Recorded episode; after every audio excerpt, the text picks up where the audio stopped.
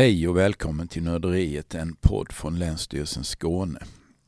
Jag heter Mikael Ringman och Nörderiet kan ses som en hyllning till sakkunskapen, något vi på Länsstyrelsen gillar. Vi har många medarbetare som kan mycket.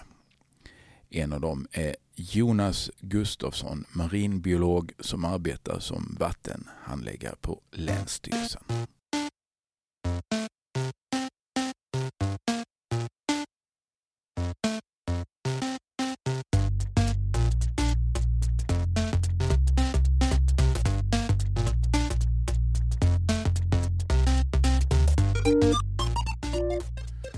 Välkommen Jonas! Tack Micke, kul att vara här. Verkligen roligt att ha dig här. Idag ska vi tala om stenfiske. Och den första och självklara frågan är, vad är det? Stenfiske är egentligen precis exakt vad det låter som. Det är företeelsen när man plockar upp sten ifrån botten. Och det är någonting man oftast gjorde i havet, men man kunde också göra det i vattendrag och i sjöar eller i hamnbassänger och så vidare.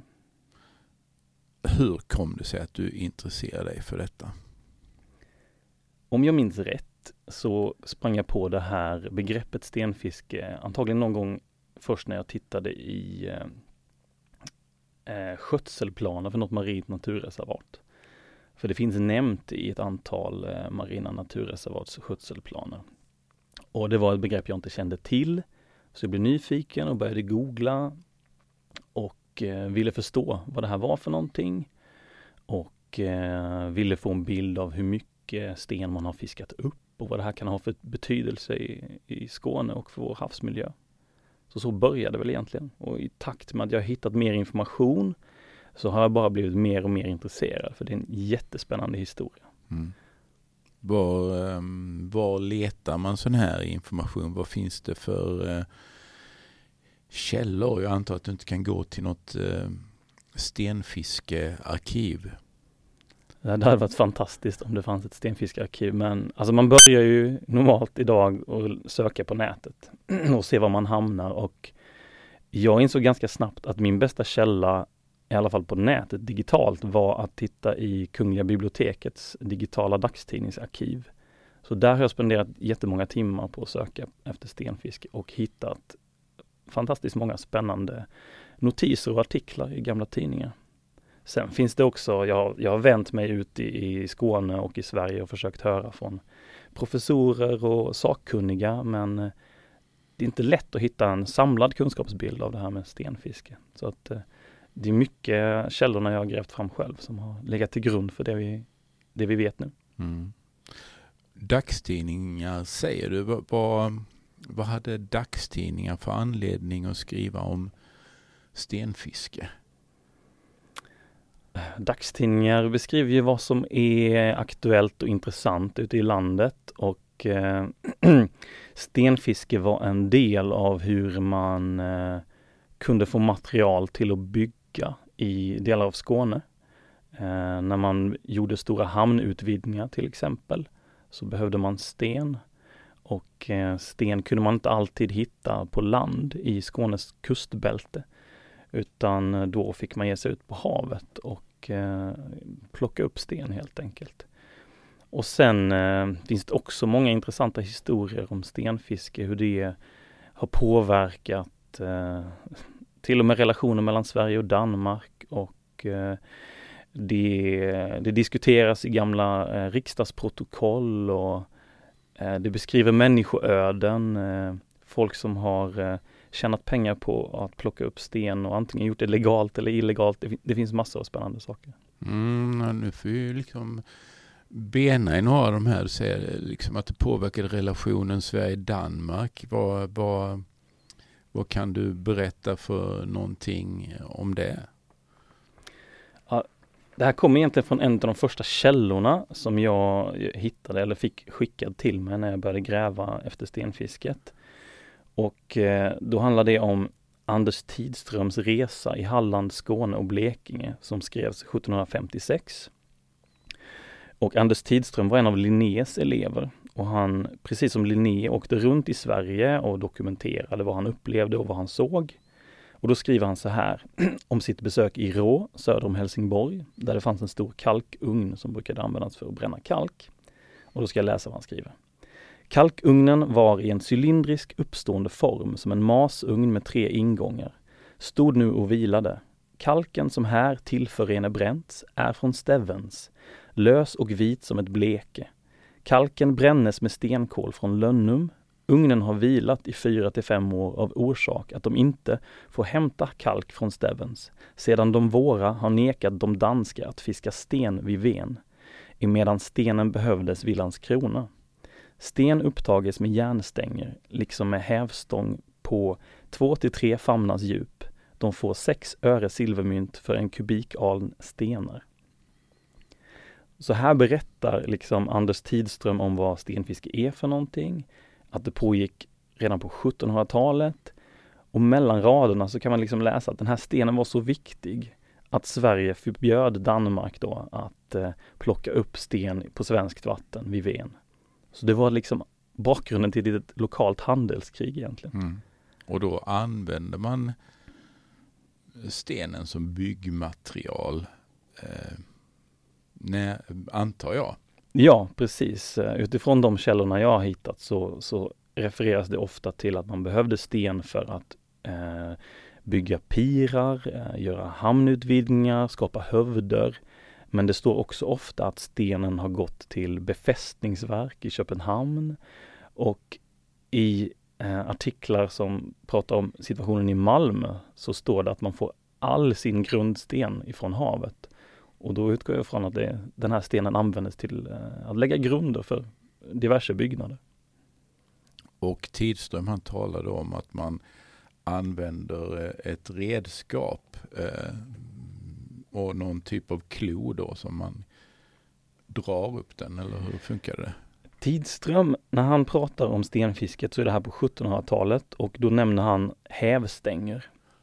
Så det är antagligen det första sättet man plockade upp sten från havsbotten. Och för mig har det varit lite svårt att greppa hur man gör det. Man måste vara väldigt koordinerade om man har, ska plocka upp sten på 4-5 meters djup, stenblock och ska häva upp det här med, med järnstänger. Men det lyckades man alltså med. Sen kommer det källor lite senare i historien som berättar om det här med tänger och stensaxar som de också kallas. Ett verktyg som eh, kan greppa runt ett stenblock och sen så när man lyfter i, i den här saxen eller klon då, så är det själva tyngden från stenblocket som hjälper till att låsa ihop saxen. Och den eh, referensen har jag hittat från 1850-talet och framåt ungefär. Så att eh, Utvecklingen gick från eh, hävstänger till stensaxar och sen kom det såklart modernare tekniker på 1900-talet. Mm. Vilken storlek på sten talar vi om?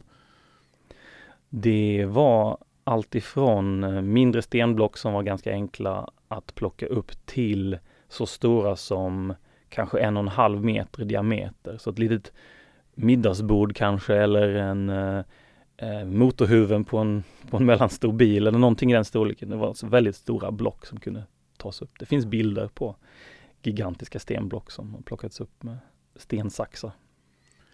Och de som jobbade med detta, var det, var det liksom ett eh, yrke som man eh, hade? Kunde man vara stenfiskare eller var det någonting som man gjorde då och då som ett extra knäck? Jag tror att det var väldigt blandat, men eh, absolut att det var ett yrke som, som vissa personer hade till och från. Och senare i historien tror jag också att det fanns specialiserade eh, fartygsbesättningar som, som verkligen kunde kalla sig stenfiskare.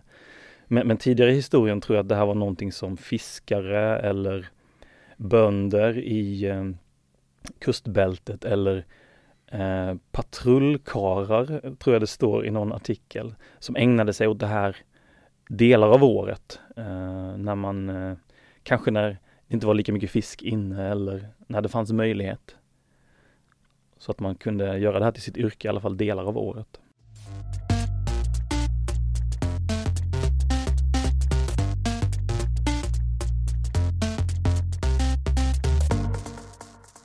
Jag vet ju att du har, alltså du har ju tagit med dig lite eh, papir med, eh, med berättelser då. Eh, kan du ge oss något mer exempel på vad du har hittat i arkiven? Ja, jag har sprungit på en, en jätteintressant artikel som är från 1853 som publicerades både i Göteborgsbladet och i Aftonbladet. Så både i de, de två största städerna i Sverige fick, fick den här artikeln och den är utformad som en rapport ifrån Malmö. Och då kan jag läsa lite vad som står i den. Skånska slätterna, åtminstone vid havskusterna, är i saknad av gråsten, en vara varpå annars såväl Skånes skogstrakter som hela riket i allmänhet har mer än tillräckligt överflöd. Och lite längre in i artikeln så fortsätter den så här. Och här i Malmö skulle vi hava ordentlig stenbrist om icke havet hyste tillräckliga förråder av gråsten i sitt sköte. Vi får således all vår grundsten från havsbotten varifrån den dagligen uppfiskas. Och sen avslutas artikeln så här. Flera tusen lass sten hämtas på detta sätt årligen från havets sand och emellanåt från rätt betydligt djup. Så snart stenen blir lös hjälper havsvattnet till så att den med större lätthet kan hanteras. Och då detta stenfiske år ut och år in fortsatt i decennier skulle man tro att det snart kunde vara stopp med rörelsen. Men även i detta hänseende tycks havsbotten vara outtömlig. Och det är ju fantastiskt. Ja, verkligen. Alltså det, här förstår man ju att det är rätt så ansenliga mängder som eh, plockats upp från botten. Har du någon uppfattning om hur mycket? Nej, det är helt omöjligt att, att, att få någon siffra på det. Eh, eller ja, det kanske man i framtiden skulle kunna göra en grov uppskattning om, men idag har jag inte det. Men det är uppenbart att det är stora mängder. Här pratar man om någonting som pågår dag ut, dag in, hela året när det är möjligt och har pågått under decennier. Eh, och sen vet vi att från 1850-talet och framåt så pågår det åtminstone 100 år till. Och då blir det antagligen mer och mer effektivt. Och det här är situationen i Malmö och Malmös närområde. Och vi vet att det har pågått även på andra ställen i Skåne. Så att det är stora mängder det handlar om. Mm. Och eh, det här, alltså vilken, vi pratar här, du har nämnt Ven, du har nämnt Malmö och eh, är det västkusten som det här främst var vanligast på eller förekom det på sydkusten, ostkusten också? Eh, de flesta källorna pratar om Skånes västkust. Eh, det kan också ha att göra med att Danmark var en anledning till behovet, att danskarna ville ha sten och köpa sten och så vidare. Men det har pågått även på Skånes sydkust och eh, jag har hittat referenser från Skånes nordöstra sida och in i Blekinge och även om stenfiske på halländska kusten och Kalmarsund och Gotland. Så det är inte unikt för Skånes västkust, men jag har fått den bilden av att det antagligen skedde främst på, eh, eller störst omfattning, utsträckning, eh, på Skånes västkust. Och eh, har du några källor på att det har varit en handelsvara, att det faktiskt har sålts sten till Danmark till exempel? Ja, det finns källor som både nämner att danskarna har fiskat sten på svenskt vatten och tagit med det till Danmark. Det finns källor om danskar som har tjuvfiskat sten och blivit fällda för det upprepade gånger på svenskt vatten. Ehm, det finns källor som pratar om att svenskar sålde sten eller levererade sten till danska befästningsverk. Och sen ehm, längre fram i historien så eh, är det ofta danska specialiserade stenfiskare som användes i, eh, i olika sammanhang när man behövde sten. Så det, var, det fanns en dansk stenfiskeflotta som var aktiv på, på 1900-talet. Mm. Fanns det även svenska tjuvfiskare som var ute och plockade sten? Det fanns det. Det finns det en del källor om som berättar om uh, hur um, svenska stenfiskare var eh, åtalade och blev dömda. Det finns någon historia om ett par stenfiskare uppe vid Barsebäck som det verkar som att de kommit lite på kant med, med greven där uppe, Hamilton, som då har eh, åtalat dem eh, för att ha fiskat sten på fideikommissens område runt Barsebäck. och eh, blev bötfällda då, betala 10 kronor som, som böter till kronan och jag tror det var 70 kronor eller någonting för rättegångsersättningar. Så det finns exempel på det. Ja men det är fantastiska historier. Eh, tänkte kanske för, förtydliga här att så, eh, så, här roligt har man inte bara på arbetstid på Länsstyrelsen. För jag har förstått att du har lagt ner rätt mycket eh, fritid på det här, att det var där du började eh, leta efter detta. Ja, så är det. Ehm, vi sprang ju på det här begreppet under arbetstid och i, i samband med arbete. Men jag kunde inte riktigt motivera att jag satt och, och, och, nördade och googlade och sökte så mycket som jag gjorde. Så det har jag gjort en del på arbetstid. Men sen när jag insett att det faktiskt är ganska stora mängder det handlar om, så kunde jag få prata med min chef om att Eh, här kanske det finns skäl att lägga ner lite arbetstid, att få en systematisk bild. För det är någonting som jag tycker kan ha bäring på eh, våra åtgärder i havsmiljön. För här finns det en källa till någonting som har en historisk negativ påverkan på havsmiljön. Och eh, någonting vi skulle kunna jobba med, med restaureringar i framtiden. Ja, men här leder du oss eh, liksom lite framåt i, i, när vi talar om det här. För hittills har vi talat om stenfiske som en historisk företeelse, men det har ju då påverkar ju havsmiljön. För eh, om jag förstår det rätt så gjorde stenen någon form av miljönytta när den låg på havsbotten. Exakt. Ehm, man kan säga så här om Skånes havsmiljöer. De är ganska dominerade av vad vi brukar kalla mjuka bottnar i marinbiologispråk. Och om man generaliserar så kan man säga att det är, det är ganska sandiga bottnar i de grunda områdena och sen lite mer leriga bottnar när man kommer lite djupare. Det finns givetvis undantag men en, en grov bild i alla fall. Och i, under sådana förutsättningar så betyder stenrev eller enstaka stenblock som ligger på de här mjukare bottnarna ganska mycket för de ger förutsättningar till ett helt annat litet mikroekosystem och framförallt är det ju då organismer som behöver ha en hård yta för att växa på.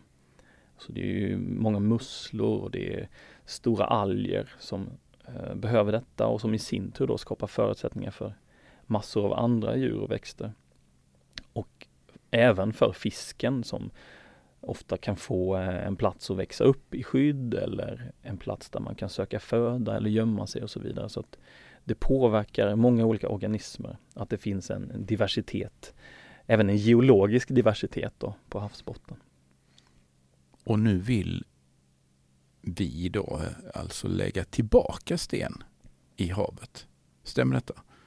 Ja, det är ju liksom jag ska inte säga att det är följden av det här stenfiskeforskningen eh, som har gjorts, men eh, i grunden så finns det åtgärder i nationella åtgärdsprogram och i regionala åtgärdsprogram som handlar om att restaurera havsmiljöer.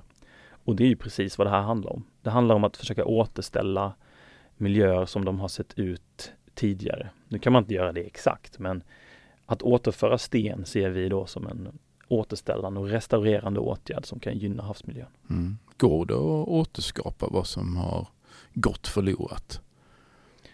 Både ja och nej. Det går såklart inte att eh, veta exakt hur mycket sten som har tagits upp på exakt vilken plats eller hur de här stenreven har sett ut, hur höga de var, hur mycket sten de hade eller hur mycket stenblock det fanns på, på blandbottnar och sådär. Men istället så kan man då ha en approach som är mer att vi vet grovt talat var man har stenfiskat eh, i ett lite större område och då kan man försöka hitta de mest lämpade platserna för att lägga tillbaka sten. Och då försöka undvika konflikter med, med sjötrafik och med fiske och försöka undvika att skapa eh, ökad erosion och så vidare och skapa så stor miljönytta som möjligt och hitta då de mest lämpade platserna. Och har ni hittat de platserna? Vi har i alla fall gjort en analys av detta eh, och det gjorde vi genom att peka ut tio större områden där vi har referenser på att det har fiskats eh, efter sten historiskt. Och i de tio områdena så gjordes det en, en kartanalys, en GIS-analys som vi fick hjälp av en, en konsult med att göra. Och vi slängde in de här olika parametrarna med att eh, minimera risken för konflikter, minimera risken för erosion, minimera risken för att ett nytt stenrev ska försvinna ner i botten genom att det sjunker i dyn och så vidare. Och att maximera miljönyttan. Och då följde då ut ett antal områden inom de här stenfiskade eh, historiska områdena som eh, vi anser var li lite mer lämpade, lite bättre lämpade för att placera ut sten på än de andra. Och var kan det vara till exempel? Ja, eh, det enkla svaret är att vi, man får läsa rapporten ja. som vi har publicerat. Eh, det är egentligen beskrivet i form av färgkoder i kartor eh, som finns för vart och ett av de tio eh, undersökta områdena. Så jag har inte den bilden i huvudet med mig att säga att det var en sjömil eh, söder om eh, den här och den här platsen. Utan Men det, det finns... vi rör oss i västra Skåne, ute i havet.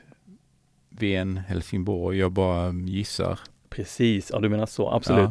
Ja. Eh, de här tio utpekade undersökta områdena, de ligger primärt på, på Skånes västra sida. Det är en som ligger uppe i Skäldeviken. Det är en som ligger utanför Trelleborg och i övrigt så ligger de då från eh, Falsterbo-näset upp till eh, Höganäs ungefär. Så där är de här olika klustren där vi nu har pekat ut olika platser eller delområden där vi anser att det skulle vara eh, lämpligt att eh, undersöka och om man kan lägga ut eh, ny sten. Då. Mm. Hur ska en sån stenåterföring som du talar om gå mm. till?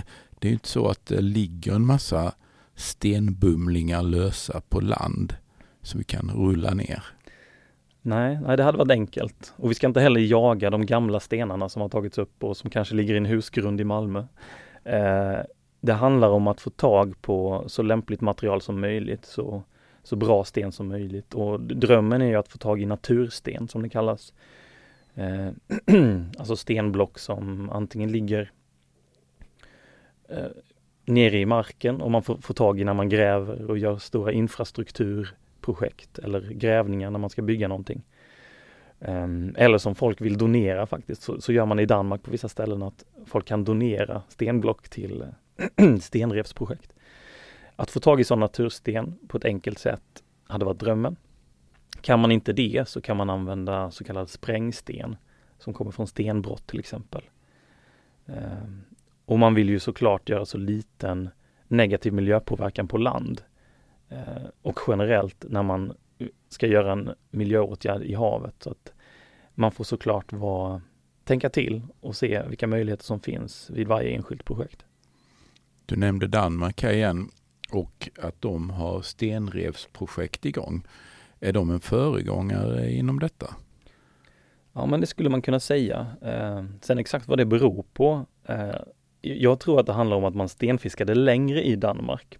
Så den här luckan mellan att stenfisket förbjöds och att man började utvärdera dess effekter, den har varit mycket mindre i Danmark.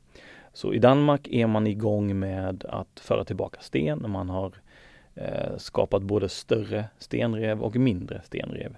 Så det är klart att vi tittar på Danmark och försöker lära oss av eh, vad de har gjort. Nu nämnde du någonting här om förbud förbud mot stenfiske har alltså funnits i Sverige. Ja, det är, nu vet jag ärligt talat inte hur reglerna ser ut idag, men jag antar att om man skulle eh, eh vilja plocka upp sten från havet så gör man en ansökan till Länsstyrelsen, precis som om man skulle, eh, men även SGU tror jag. Eh, men historiskt sett så, så har det nog funnits olika regler och det finns en intressant källa eh, från 1897 tror jag det är, som kung Oscar den andre då gav ut ett förbud mot stenfiske på den skånska västkusten och pekade specifikt på eh, Ven, att eh, här, här ville man ha kontroll över stenfisket och eh, sa att man får inte göra någonting utan ett tillstånd. Mm. När kan, när tänker du sätta igång med de här projekten och bygga stenrev i havet? Det finns ingen tidsram för det riktigt, men nu när vi har gjort ett litet, man kan säga ett litet förarbete, både om den historiska miljöpåverkan och en analys av lämpliga platser så har vi ju en, en bra språngbräda. Nu vill vi liksom försöka få med eh, flera parter och myndigheter som, som behövs för att man ska eh, komma framåt i den här frågan. Och vi hoppas ju att det inte ska dröja så länge innan vi kommer igång med de första projekten. Men exakt när det blir, det, det, den tidsramen har vi inte satt. Ligger det någon ansökan inne om att sätta igång någonting eller eh, var ligger vi i tid?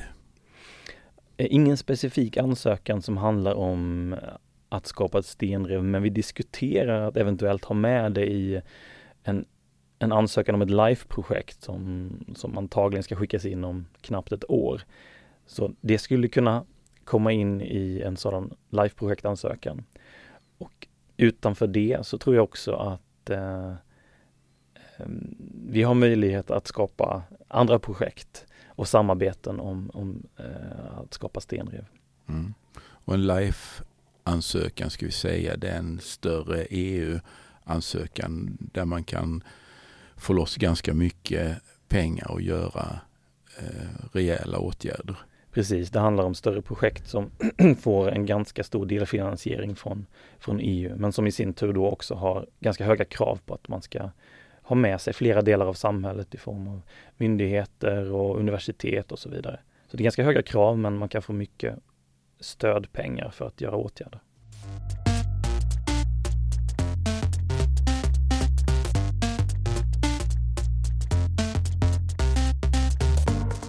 Eh, jag tänkte på en sak här. Eh, på senare tid så har det varit mycket diskussion om eh, den konstgjorda ön som byggs i Köpenhamn och hur den påverkar eh, liksom flödet i Öresund och att det kan leda till erosion och så. Eh, om man nu börjar putta ner, ja, det händer ju någonting när man eh, lägger ner saker i vattnet. Eh, finns det risk att man skapar nya problem? Ja, den risken finns. Eh, man påverkar, precis som du säger, hydrologin i, i havet. Det vi har gjort när vi har gjort den här analysen, det är att vi har med hjälp av expertkunskap då från DHI så har vi försökt att placera eller peka ut områden som ligger tillräckligt djupt för att ett nytt rev inte ska ha särskilt stor påverkan på, på vågen, det vill säga om, om vågen bryts eller att energin ökar eller eh, dirigeras på ett sätt som gör att den ökar erosionen. Så att vi har försökt ta hänsyn till den aspekten i vår eh, analys. Men det är helt klart så att lägger man ut sten och skapar ett stenrev så kan det både dämpa den lokala erosionen, men om det görs på fel sätt så skulle det också kunna öka erosionen. Så det är väldigt viktigt att man vid varje enskilt projekt har full koll på vad man gör. Okej, om du nu blickar några år framåt, vad ser du då? Ser du många stenrev framför dig? Då får vi nog gå ganska många år framåt. Men jag hoppas ju att om man tänker på en tre, fyra, fem års period att vi har genomfört något första projekt eh, och att framförallt kunskapen om den historiska påverkan från stenfisket har ökat generellt i Skåne och att det finns ett intresse för den här åtgärden att restaurera eh, stenrevsmiljöer i Skåne. Att vi kanske har eh, ett par kommuner som är liksom eh, de är i startblocken och, och, verkligen vill vara med på detta. Och att andra myndigheter, att vi har en bra dialog med dem, för de måste ju också vara med på banan så att de förstår vad det här handlar om och att eh, hitta vägar framåt som inte innebär att man eh, skapar konflikter. Och sen hade det ju varit jättespännande att se att det första stenrevet vi har eh, skapat, eller vem det nu än är som har skapat det, att det, eh, det växer fina eh, stora alger på det och det, det är täckt av blåmusslor och att det finns fisk som, som trivs där. Det, det hade jag velat se såklart. Låter ju fantastiskt.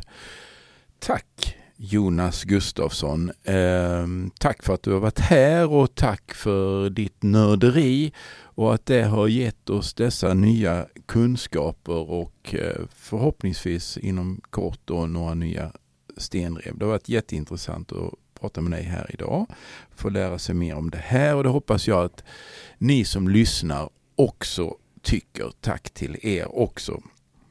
Vi återkommer med ett nytt Nörderiet när ni minst anar det. Tack för idag. Hej hej.